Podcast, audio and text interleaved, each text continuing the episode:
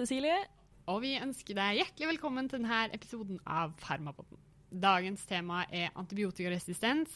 Det føler jeg til en stadighet et tilbakevendende tema, og vi er spent på å høre hva status for det er nå. Vi håper å få svar på hva er egentlig antibiotikaresistens, hvilke typer resistens finnes, hva er årsaken til denne resistensen, kan den forebygges, og hvordan? Og kanskje aller mest spennende, hvordan ser framtida ut for vidundermedisin som har virka i så mange år og redda så utrolig mange liv? Den som skal gi oss en statusoppdatering og innføring i antibiotikaresistens, det er deg, overlege i mikrobiologi, Karianne Wiger Gammelsrud. Velkommen tilbake. Hva er egentlig antibiotikaresistens? Er det bare at vi mennesker ikke lenger responderer like bra på antibiotika som vi gjorde da antibiotikaen først kom på markedet på 40-tallet? Det er egentlig eh, et bra spørsmål, fordi der er det også mye misforståelser tror jeg, sånn blant eh, lekfolk. Dette her med at eh, jeg vil ikke ta så mye antibiotika, for da kan jeg bli resistent. Jeg tenkte, Vi kan først si for et begrep som nå brukes veldig mye, er jo dette her AMR, eh, antimicrobial resistance.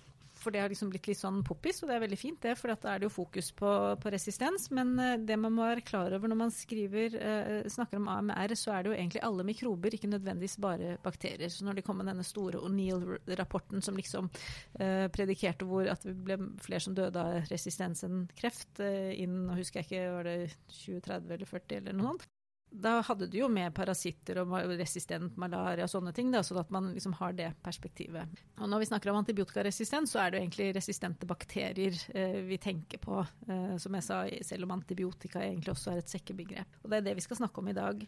Det betyr at da den bakterien ikke lenger affiseres av det antibiotika, sånn at ikke, vi får ikke den virkningen. at de, de, dør ikke, de overlever. Og det går jo på mikrobe og ikke på person. Sånn at det er jo persons bakterier vi snakker om, ikke personen selv. Altså det er bakterien som er motstandsdyktig, det er ikke vi som blir Det er ikke vi mennesker? Men de her resistente bakteriene, da, er de farligere på noen måte enn ikke-resistente bakterier? Nei, som regel så Eller eh, i, i, utgangspunktet så er ikke de noe mer farlig, for de gjør ikke noe uh, med uh, Det er bare at du ikke klarer å Altså det blir farligere fordi du kanskje ikke klarer å behandle infeksjonen. Men det kan nok være noen få unntak hvis denne Og det kommer jeg litt tilbake til når vi snakker om mekanismer, men hvis, det, det, hvis de har fått overført resistens på et sånn lite plasmid, noen ganger så inneholder de også virulensgener, så det er jo et potensial at du kan både bli mer resistent og virulent på en gang. Men resistensgenene i seg selv gir ikke mer sykdom, men du blir vanskeligere å behandle. Det er jo det som er skummelt. Vi skal straks uh, dykke dypere ned i antibiotikaresistens, men først, hvorfor er dette viktig kunnskap uh, i 2020, Karianne? Nei, altså Antibiotikaresistens er jo kanskje en av de største utfordringene vi har innen moderne medisin. Um, det er ikke så lett kanskje å tenke akkurat nå, når vi føler at koronaen tar over hele verden. Uh, men det er jo noen som har prøvd å sette litt fingeren på det, og den kommer til å bestå uh, når koronaen forsvinner, eller i hvert fall uh, ikke har like mye plass. Og det har litt med at um, moderne medisin i dag er jo helt avhengig av effektive antibiotika.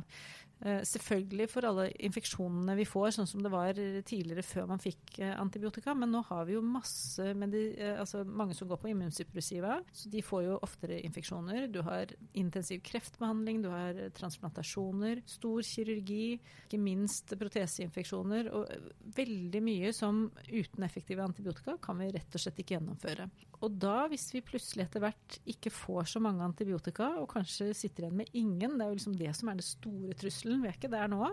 Men i noen land så, så mister de jo pasienter av infeksjoner som man ikke kan behandle. Og det er liksom sånn nesten utenkelig for oss, for vi har liksom alltid et eller annet. Så derfor er det et kjempeproblem. Og da tenker jeg også at det med kunnskap, og det er derfor vi sitter her i dag blant annet, og har det at eh, jo mer man kan om det, jo bedre. For da skjønner man kanskje hvorfor man må gjøre visse tiltak. Og jeg må jo si det med smittevern, da, som det er så fokus på nå, det er kjempebra. For det er jo egentlig et veldig viktig eh, poeng som vi kanskje glemmer ofte. Som er sånn hvis vi som ikke sprer disse bakteriene, så, så er det jo ikke et problem, egentlig. Vi har hørt mye om ulike typer resistens også, som medfødt, adaptiv og erverva. Eh, hva betyr egentlig det? Medfødt det er egentlig bare en egenskap. Og eh, en av de kan være at de har en iboende resistens mot ulike typer antibiotika. Og det har de hatt siden tidenes morgen. Og det har nok vært eh, fordi at mange altså bakterier Jeg vet, husker ikke hvor mange millioner år siden de kom, eh, men de har jo konkurrert seg imellom og kanskje har skilt ut stoffer som de skal beskytte seg mot, som er skilt ut av andre bakterier. Så da har faktisk de resistensgenene eksistert veldig mye lenger enn antibiotika. Så det er en egenskap de tar med seg, og vil også føre til alle sine eh, videre. Og noen har kanskje nesten ingen. Andre har veldig mange. Disse miljøbakteriene har jo ofte mange iboende resistensmekanismer i utgangspunktet. Og det er litt kjipt, fordi da skal det ikke så mye til før det blir ekstra vanskelig. Det var medfødt, men hva med adaptiv resistens? Det er en, og det kan være sånn litt vanskelig å, tenke seg, men man har jo en del gener, og det har jo vi mennesker også, som ikke liksom er skrudd på. Eh, og kanskje da, så lenge man ikke tukler med noe, så, så forblir de silent, og de syns ikke. Men noen av de kan da skrus på f.eks. ved et antibiotikatrykk, hvor entrobakter og eh, noen sånne typer gramnegativer har en sånn AMP-C-mikrogen eh, som kan skrus på hvis man f.eks. gir cefalosporinbehandling. Og det er viktig kunnskap, fordi da, hvis vi får en sånn mikrobe og vi resistenstester og alt er følsomt, så må vi ha med en kommentar om obs, obs, hvis det er langvarig eller en dårlig pasient, kanskje velg noe annet. Det siste var dette ervervet, og det er jo det man ikke er født med, verken som sånn uh, uttrykkes eller ikke, men som man rett og slett ikke har i utgangspunktet, men som man får. Enten kan være mutasjonsbasert, det skjer jo oss mennesker kan skje også, eller at det rett og slett er overført fra andre bakterier eller omgivelsene. Det kommer vi jo litt tilbake til. Hvilke triks er det bakteriene har for å unngå antibiotikatrusselen? Ja, da er vi litt på sånn mekanisme, litt sånn som når vi gikk gjennom um, antibiotikagruppene, så er det egentlig sånn fire hovedmekanismer da, som bakterien har. Det ene er det vi kaller nedsatt permeabilitet. Det er kanskje den, særlig disse gramnegative, fordi i yttermembranen så har de masse små sånne poriner eller porer. Og det er for å kunne ta inn næringsstoffer, men der er det jo en del antibiotika som trenger seg gjennom. F.eks. betalaktam er avhengig av disse små porinene for å, for å komme inn i cellen. Uh, og da er det noen bakterier da, som har evnen til å lukke stenge disse porinene, sånn at ikke antibiotika kommer inn i cellen. Og da kan den jo ikke virke.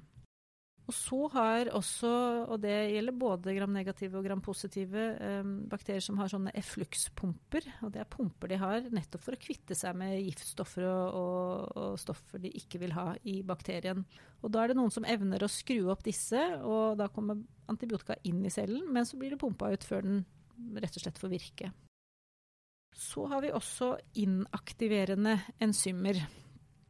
Og det er jo en stor og viktig gruppe. Vi har allerede snakket om betalaktamaser. Vi skal komme litt mer tilbake til det også. Men det er da rett og slett enzymer som virker direkte på uh, antibiotika, og så hemmer virkningen på den måten. Og betalaktamaser som sagt, er kanskje det aller viktigste. Det er jo noen andre eksempler òg. Og den siste det er endret målmolekyl. Fordi det er en del antibiotika som, som trenger å feste seg til malmorkel for å kunne virke. F.eks.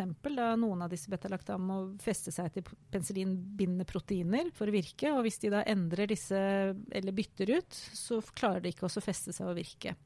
Så det er f.eks. mekanisme for MRSA. Også VRE, altså vancomycin-resistens hos entrokokker. Da er det rett og slett denne her proteindelen av kryssbindingen som, som de endrer, så klarer de ikke å feste seg.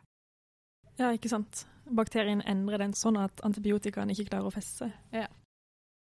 Så, ja. så det var de fire, hvis jeg repeterer. Altså nedsatt permeabilitet, aktiv effluks, inaktiverende enzymer og endret målmolekyl. Mm. Det er fint med en liten oppsummering. Eh, du var innom erverva resistens, enten ved at det oppstår nye mutasjoner, eller ved spredning fra andre bakterier. Hvordan spres egentlig denne resistensen? Så spredning, så da tenker vi først eh, mellom bakterier. Eh, altså det ene er jo, som jeg nevnte, mutasjoner. Og jo mer mutasjoner man har, jo større sjanser. Og mange av de har jo en kjempefordoblingshastighet. ikke sant? Sånn at du eh, hver 20. minutt så skjønner du at det, eh, det, blir en del genfeil. Og da er det ikke helt sjelden at det kan oppstå et sted som har med antibiotika å gjøre. Eh, og så er det også vist f.eks., uh, og det er en av disse tiltakene med en god antibiotikabehandling, at noen ganger hvis du har sånne submic altså veldig lave konsentrasjoner av antibiotika, så kan det også føre til at du får en høyere mutasjonsfrekvens. Så det er for noen typer antibiotika. Du nevnte at resistens kan spres mellom bakterier ved at bakteriene utveksler genetisk materiale. Hvilke mekanismer finnes her? Det er uh, tre hovedmekanismer. Det ene er å kunne ta til seg eh, på en måte løst genetisk eh, altså DNA eh, som ligger rundt omkring, som etter andre bakterier som har gått til grunne, f.eks. Det er ikke alle bakterier, men, men f.eks. Pneumokokker. De er flinke, de har en kompetanse på en måte til å, å ta til seg, og så integrerer de det i sitt eget DNA. Og så har du noe som heter transduksjon. Det er rett og slett at du sprer via bakteriofager, altså bakterievirus. Og det høres veldig snålt ut. Og jeg har liksom tenkt at nei, det er jo ikke så vanlig sikkert. Men det er eh, for noe sånn som staflokokker, så er det veldig vanlig med både bakteriofager og det de kaller profager. Og også noe resistens innen gruppe A-streptokokker på tetrasyklin og så det er via bakterievirus. Og det siste, som er den som vi er ekstra opptatt av, er den vi kaller konjugasjon. For det er dette med, med spredning av plasmidene. Og da må du ha tett cellekontakt, og bruker ofte pil eller andre ting. Men, men, det som er litt sånn ekkelt med det, er jo, som jeg sa tidligere, at det kan jo Det er ikke bare ett resistensgen, men det kan ligge flere resistensgener på ett og samme plasmid, og til og med da virulensgener. Og vips, så har du liksom gått fra å kanskje være en snill, følsom mikrobe til en, en multiresistent og litt uh, mer virulent mikrobe. Hvis jeg forstår det riktig, så kan bakteriene få resistensgener enten ved å ta opp fritt DNA fra omgivelsene, eller transduksjon, som vil si at resistensgenene spres via bakteriofager, eller konjugasjon, at resistensgena spres via plasmida. Finnes det flere grunner til at resistens spres? resistensgener i seg selv kan spres, og den måten at man spres utover i samfunnet. Eh, eller så er det dette med kloner. For en del bakterier så har du noen det de kaller successful clones. At det er noen som rett og slett evner å spre seg, og overleve og spre seg mye lettere enn andre. Og det har man jo også sett fordi man har plutselig funnet igjen for noe som man kan sekvensere og genotype. Eh, funnet igjen over hele verden. ikke sant? MRSA det er typisk sånn klonalt um, pneumokokker. Typisk at du har en klon som blir veldig suksessfull. Og så kan vi jo si flere ganger i dag da, at dette med liksom, første bud i å hindre spredning mellom mennesker, er jo dette med god hygiene, og håndhygiene er liksom nummer én. Det håper jeg faktisk nå som vi har så fokus på at, at det klarer vi å holde.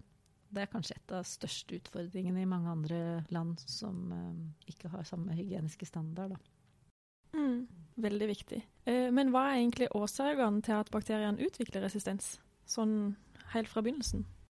Nei, det er jo en forsvarsmekanisme. Altså, bakterier er, har en fantastisk evne til å tilpasse seg miljøet. Og nettopp også kanskje da fordi at de har en såpass høy mutasjonsfrekvens, så vil det liksom alltid kanskje være noen som har endt opp å få noen mutasjoner som er fordelaktige. Og når vi snakker om dette med økt antibiotikaforbruk, det gir økt resistens. Men hvis man skal se nærmere på studier, så, så er det jo ikke, ikke Det er ikke så lett å bevise at hvis du jeg nå går på en kur, eh, så blir det masse resistente bakterier. Og det er ikke så mye nyoppståtte. Det, bortsett fra, som jeg sa, hvis man har sånn veldig lave og dårlig dosering, så kan det faktisk hjelpe til å fasilitere da, mutasjonsfrekvens eller overføring av plasmider. Men det viktigste er dette seleksjonen. Sånn at når man har en antibiotikakur, um, tar man knekken på de som er følsomme, men så har man ofte da en liten subpopulasjon som er mer følsom. Noen ganger så kan det være en mutasjon som kanskje ikke gir noen fordeler, og så, og så varer det ikke så lenge. Men andre ganger så, så, er bakterien god og sterk. Og etter hvert, da, hvis alle de andre forsvinner, så er det denne som blir hovedpopulasjonen. Og da blir dominerende. Og hvis den først er dominerende, så er det jo mye større sannsynlighet at den blir spredd til andre i neste omgang, da. Jeg tenker også på Vi vet jo at sånn, ikke i Norge, men i andre land, så får man jo kjøpt eh, antibiotika på Narvesen, eh, og gjerne kanskje bredspektra. Kanskje bruker vi også for mye bredspektra. Det er jo et stort fokus av det. Pasienten tar ikke en kur ferdig. Har også, vi har jo også mye, mye antibiotikabruk i landbruk og i dyreindustrien. Er ikke det også faktorer som eh, jo, så det, Når det gjelder antibiotikabruk, så er det ene hos mennesker, og så er det sånn totalbruk. Så er det det å velge smalspektret fremfor bredspektret. Og så er det å bruke korrekt. Og det som man har ganske stort fokus på nå, som vi mangler studier på, er jo nettopp å ha mye kortere kurer. Er det at mange pasienter ikke tar antibiotikakuren ferdig, en grunn til at bakteriene utvikler resistens? Det er nok en litt sånn myte det der at man må ta kuren ferdig. Fordi mange av disse sant, Det har vært sånne magiske tall nesten. At du enten en uke, ti dager, 14 dager eh, og noen av de studiene som kanskje viste f.eks. med, med halsbetennelse med, med beta-hemolytiske altså gruppe A-streptokokker, da var det jo basert på et helt annen dosering. Så kanskje hvis man har en mer optimal dosering eh, som gir mye bedre bakteriedrap, og du blir kvitt den, så kanskje du bare trenger en uke da, og så får du ikke disse residivene. Så jeg tenker det aller viktigste er jo å ta det korrekt, og på korrekt indikasjon. Og selvfølgelig, vi er ganske heldige i Norge at vi alltid har vært litt restriktive av natur, tror jeg, i forhold til mange andre steder. Og vi har gode systemer for å regulere, for det er et kjempeproblem som dere peker på. Man kan bare få knaske litt her og der og tror at det hjelper veldig. Eh, og kanskje også at de i en del land er litt sånn falske, at det ikke inneholder like mye som det sier. sånn at du fra start får en suboptimal. Så jeg tror det å kutte en antibiotikakur litt tidlig eh, altså Nå skal man høre på så Jeg skal ikke nå si at du trenger ikke å ta antibiotika sånn som det står forskrevet. Men hvis man skal tenke på hva som er verst, så er det nok det å ikke ta dosen. Ikke sant? At det blir suboptimal dosering da, som er eh, mer resistensdrivende. Mm. Ja, jeg husker spesielt godt eh, det var i en forelesning så sa de at uh, Alexander Flemming, som var den første som oppdaga penicillin, sa at uh, if you use penicillin, use enough. Mm.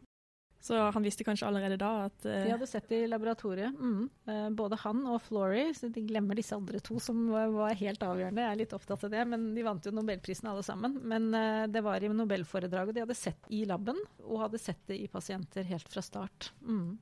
Vi må jo sammen prøve å forebygge det her, da. Eh, jeg er i hvert fall vant fra min jobb at vi spør alle om de har vært i utlandet de siste tolv måneder, og da spesielt om de har vært, eh, gjort inn, fått invasive inngrep eh, hos enten lege eller tannlege spesielt. Og de screener man. Hva Vil du si litt om screening? Ja, vi er jo særlig opptatt av det vi kaller meticillinresistente staflokokker, altså MRSA. Og så er det VRE, vancomycin-resistente. Og så er det vi kaller ESBL, Extended Spectrum Beta-lactamase.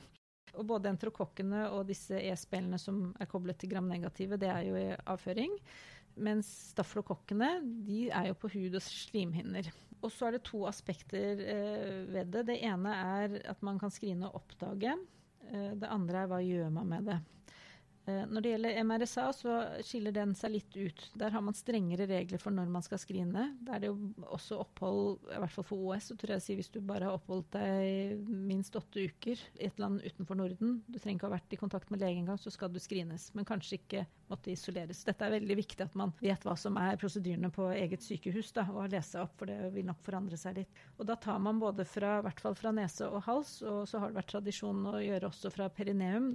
Hva gjør man egentlig hvis man finner MRSA i screeningprøvene som tas av helsearbeidere? Hvis man eh, finner det, så um, kan man prøve å sanere. Uh, og det er litt av poenget. Uh, pluss at det, der har man jo også dråpesmitte, fordi at hvis man har det i luftveiene, så kan det jo smittes på den måten. Er det noe annet man gjør hvis man finner VRE eller ESBL? Når det gjelder ESBL og VRE, så vil man jo også veldig gjerne finne det for å hindre videre smitte, men der har man jo ikke noen måte å, sanere på. Sånn at uh, når det gjelder helsearbeidere, så er det kun MRSA eh, som man screenes for hvis man har vært ute og, enten vært på sykehus eller jobbet i utlandet, mens e-spill og VRE gjør man ikke. Og så får man jo håpe at hygienen er såpass god at man ikke piller seg i rumpa og går ut, inn på, til en pasient, liksom. Ja. Man screener jo òg pasienter. Hvilke tiltak gjøres hvis en pasient får påvist en av de tre resistente bakteriene? Når det gjelder uh, pasienter, så vil man jo gjerne isolere. Og VRE er jo veldig standhaftig, så det er veldig vanskelig å bli kvitt. Så der er de ganske uh, på.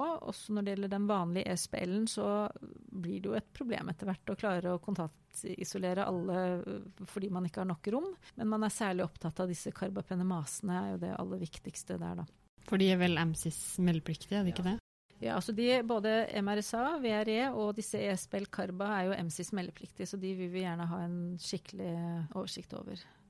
Men så er det jo også dette hvis man kommer hjem med multiresistente mikrober som ikke nødvendigvis har en av disse mekanismene, så er man jo ikke egentlig interessert i de rundt omkring i sykehuset heller. Så, så bør det jo være litt da også. Så man har en del andre mikrober man faktisk også bruker smitteregimer på. Er det kun dyrkning som trengs for å påvirke resistens, eller kan man bruke PCR?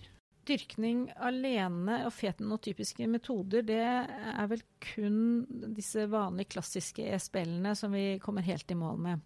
Både når det gjelder eh, MRSA og VRE og ESBL-Carbas, så må vi gå videre med PCR-metoder. Så, så, det er vi nødt til å ha for oss å få det bekreftet. Og så har vi jo sånne hurtigscreeninger, og da er det jo ofte at man gjør PCR direkte. Og det fungerer eh, veldig bra på MRSA.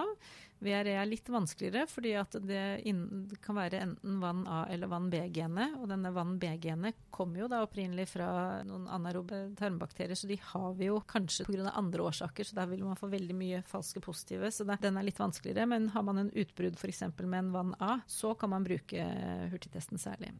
Og så når det gjelder ESBL-ene, så er det kanskje noen steder, men det er så innmari mange ulike gener at der er det litt vanskeligere. Det, vil være i hvert fall svindyrt hvis man først skal ha det, da. Sånn at den, der tror jeg ikke det er mange som bruker direkte PCR-metoder i screeningsøyemed. Men på blodkulturer og kanskje andre viktige materialer som man raskt skal få avklart, så, så benyttes det noen ganger. Men når man sender prøver til resistensbestemmelse til dere på mikrobiologen, så står jo på svaret eh, S, R eller I. Eh, og der, hvis jeg ikke husker helt feil, så står S-en for sensitiv. Er det bare den man kan bruke? Nei, og der har det faktisk skjedd eh, ganske mye. Og nå får vi vel ikke helt tid til å forklare alt med resistensbestemmelse, som jo er en metode vi bruker i, i laboratoriet. Men disse bokstavene SIR har jo vært i mange år. Men tidligere så var det liksom eh, sensitiv, og så var det eh, intermediær, og så var det resistent. Men det har nå blitt endret ganske drastisk, og det er særlig denne I-kategorien. Den var en slags egentlig samlebøtte før, fordi at den både var i forhold til om du kanskje måtte gi økt dosering for å komme i mål, men den inneholdt også en sånn usikkerhet, for det, noen ganger så kommer vi ikke i mål uansett metode hvis man kommer i, i visse områder, da. Men det som er nytt fra to år siden snart, eh, er at både S og I er koblet til dosering. Og det har jo egentlig eh, disse mm, kategoriene vært hele veien, så det, er så viktig. Du må bruke korrekt dosering for at det faktisk skal gjelde. Sånn at uh, S står egentlig da for um, susceptible uh, med vanlig dosering, mens den I-kategorien den er også S, altså susceptible increased exposure, altså økt eksponering. Så du vil aldri få en I uten at du faktisk kan behandle. Uh, og det er kjempeviktig nå, fordi at det er noen typer f.eks. Og det, dette er vanskelig, og det er vanskelig for klinikere, og det er vanskelig for oss å få formidlet det, men det er jo noen som bare av natur må bruke høy dosering. F.eks. Eh, infeksjoner med pseudomonas, så må man bruke høy dosering for nesten alle antibiotikaene, bortsett fra meropenem. Og da blir de kalt i, men de er ikke noe mindre følsomme enn før. Eh, og så er det bare eh, meropenem kanskje som står S på, så tror man å da må jeg bruke meropenem. Men det, det, er ikke sant. Så det er et veldig viktig poeng. Og der har vi også skrevet en tidsskriftsartikkel som vi legger lenke til, som er, som er kjempeviktig at dere leser. Eh, for det er forsøk på liksom å forklare til kollegiet, alle sammen, eh, hvordan det fungerer.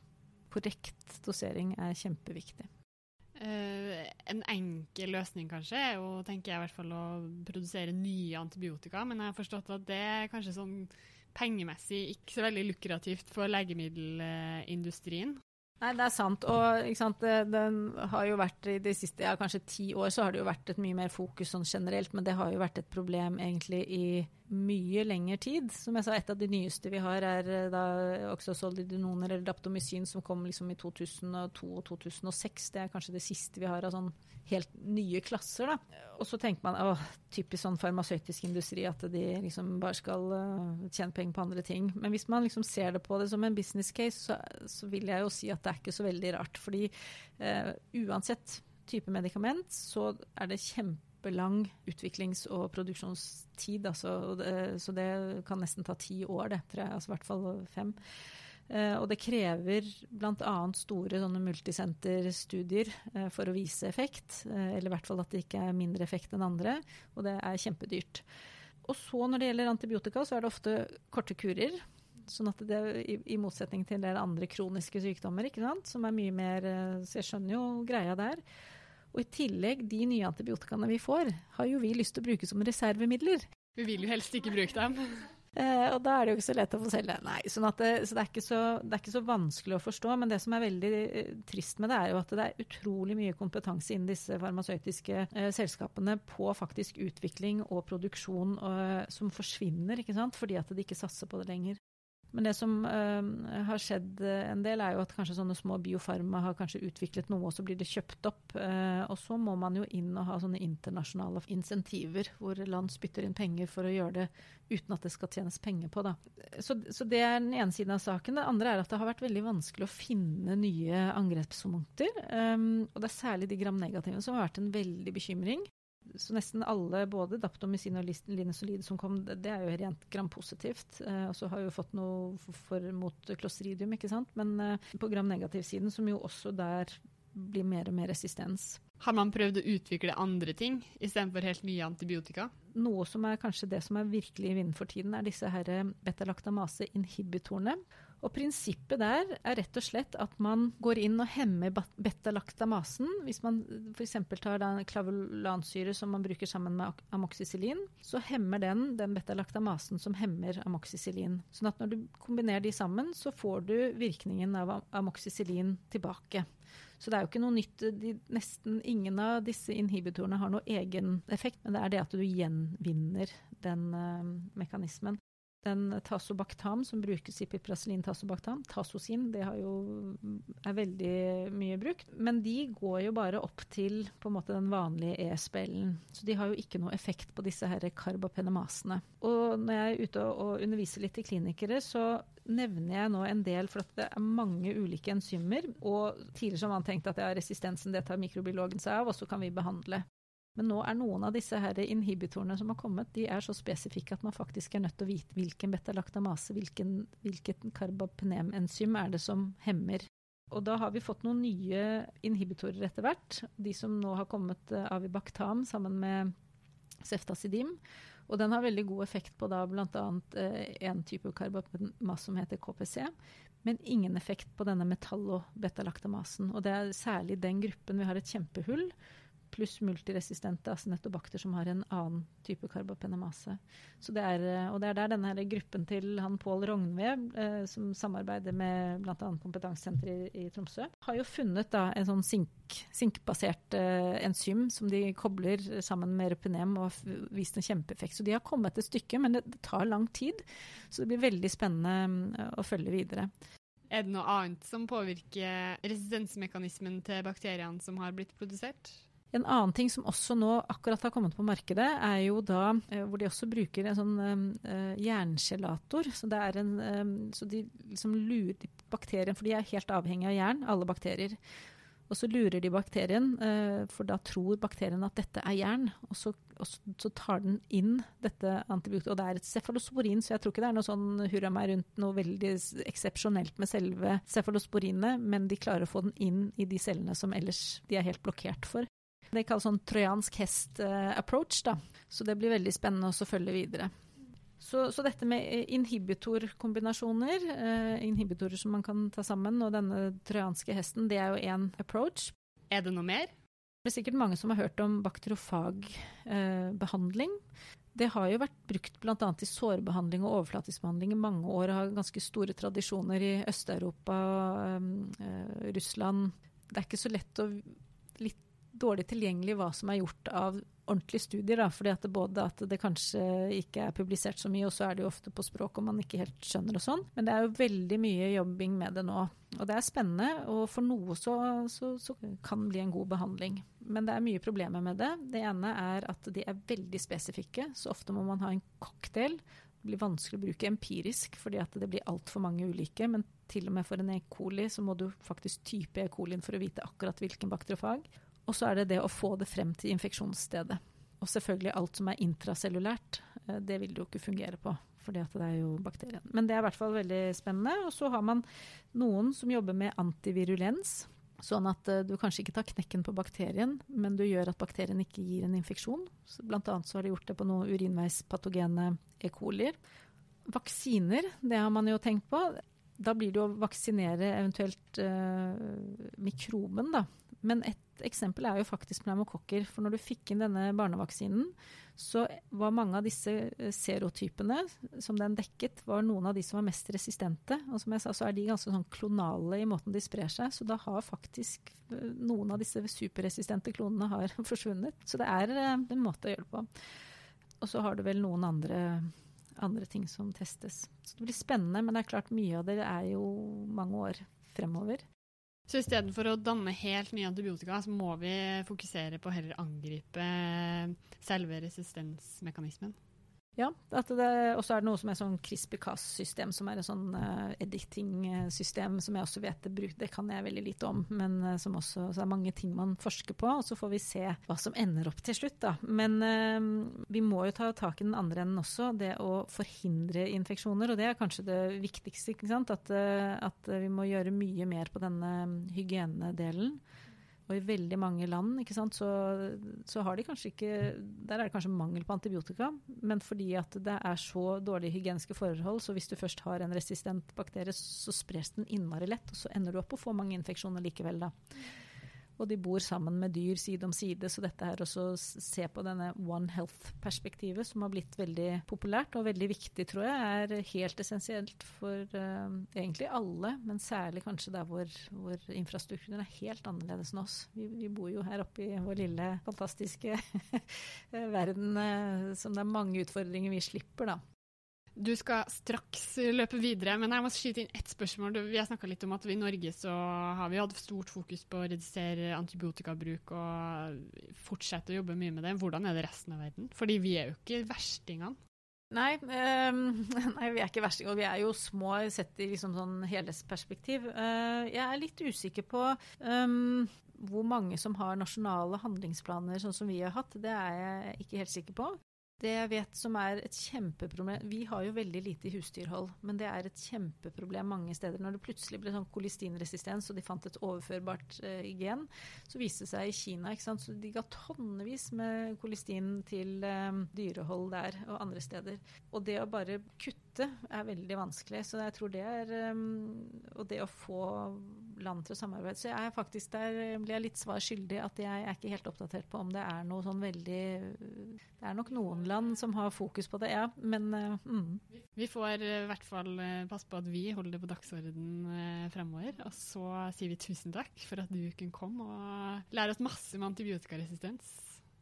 Ja, det har vært veldig hyggelig å komme her, og jeg syns det er kjempefint at dere har fokus. Jeg håper at det gir en interesse, um, og at man har lyst til å lese på det. Og så er det vel også åpen for å komme med spørsmål. Jeg svarer gjerne ting jeg ikke kan, for jeg kan jo absolutt ikke alt, som dere hører. Men uh, da kan jeg finne det ut. Um, veldig gjerne. Uh, og tips til hva dere ønsker mer av i undervisning, f.eks. Det syns jeg også hadde vært veldig fint. Og så pleier jeg alltid å ende, uansett om det er medisinstudent, sykepleier eller eh, leger jeg snakker med, huske på at moderne medisin er helt avhengig av effektive antibiotika. Og vi må ta vare på de antibiotikaene vi har, bruke dem fornuftig, for det er lite i vente. Og så, for å gjøre det, så må man faktisk bli kjent med ulike typer antibiotika, for det er forutsetning for god antibiotikabehandling. Så skal man pugge noe, man må selvfølgelig litt sånn nervesystem og skjelett og muskler og sånn, men, eh, men da syns jeg også antibiotika bør stå der. Og tenk smalt, tenk økologi. Så de mest bredspektrede skal forbeholdes de sykeste pasientene våre. Og så er det faktisk et bitte lite poeng å lære seg litt særlig beta-laktamaser og litt resistensmekanismer for å kunne bruke de nyeste antibiotikaene som er i kjømda. Takk, det skal vi ta med oss.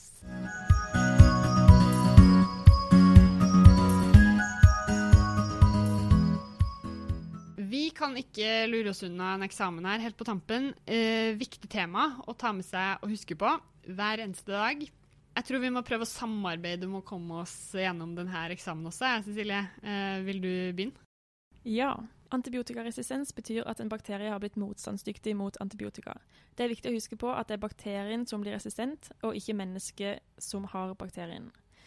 Vi har tre typer resistens. Medfødt resistens, som vil si at bakterien har en innebygd resistens helt fra starten av sitt liv. Adaptiv resistens, som vil si at bakterien har genene til stede, men de er ikke aktive ennå.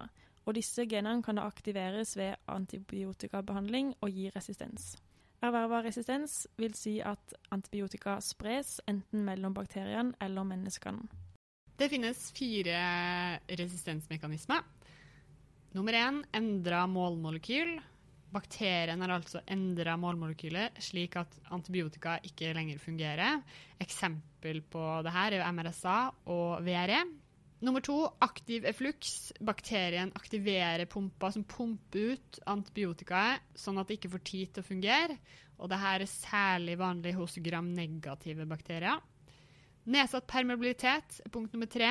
Antibiotika blir ikke lenger tatt opp av bakterien pga. modifiserte proteiner i celleveggen som lukker de her porinene som det vanligvis går gjennom. Og nummer fire er antibiotikainaktiverende enzymer, f.eks. betalaktamasa og ESBL. Årsakene til at resistensen utvikles er mange, men det er bl.a. og kanskje det viktigste at pasienten ikke følger doseringsregimet som hun har fått. Og det er kanskje en myte at resistens spres fordi pasienten ikke tar antibiotikaen så lenge som pasienten skal. Men så har man òg overforbruk, dvs. Si at man bruker antibiotika ved sykdom som egentlig vil gå over av seg sjøl, f.eks. ved forkjølelse, halsbetennelse osv. Så, så har man unødvendig bruk av bredspektra antibiotika. F.eks. hvis pasienten sier at han er allergisk mot penicillin, så bruker man et mer bredspektra, og så hadde egentlig ikke det vært nødvendig. Og i tillegg så er det bruk i landbruk og matindustri. Vi får av flere årsaker, både økonomi og rent praktisk, eh, neppe nye antibiotika, så vi må fokusere på forebyggende tiltak mot antibiotikaresistens. Hygiene superviktig. Vask hendene og pass på hygienen. Det er dumt at helsepersonell sprer eh, bakterier og resistens eh, mellom pasienter og fra seg selv. Eller tar det med seg hjem fra jobb. Screening vi sjekker alle de som har vært i kontakt med helsevesen, tannlege eller gjort andre invasive inngrep utenfor Norden i løpet av de tolv siste månedene. Vi screener også de som tidligere har hatt ESBL, VRE og MRSA. Og de som har vært eksponert, særlig i form av ektefelle eller andre nærkontakter, for da ESBL, VRE og MRSA. Vi må huske på at når resistensbestemmelsen kommer fra mikrobiologen, så er det ikke bare de som har S, eh, som kan brukes. S-en har vi jo nå lært ikke står for sensitiv, men standard dosering. Man bruker heller den det står I ved, hvis den er mer smalspektra.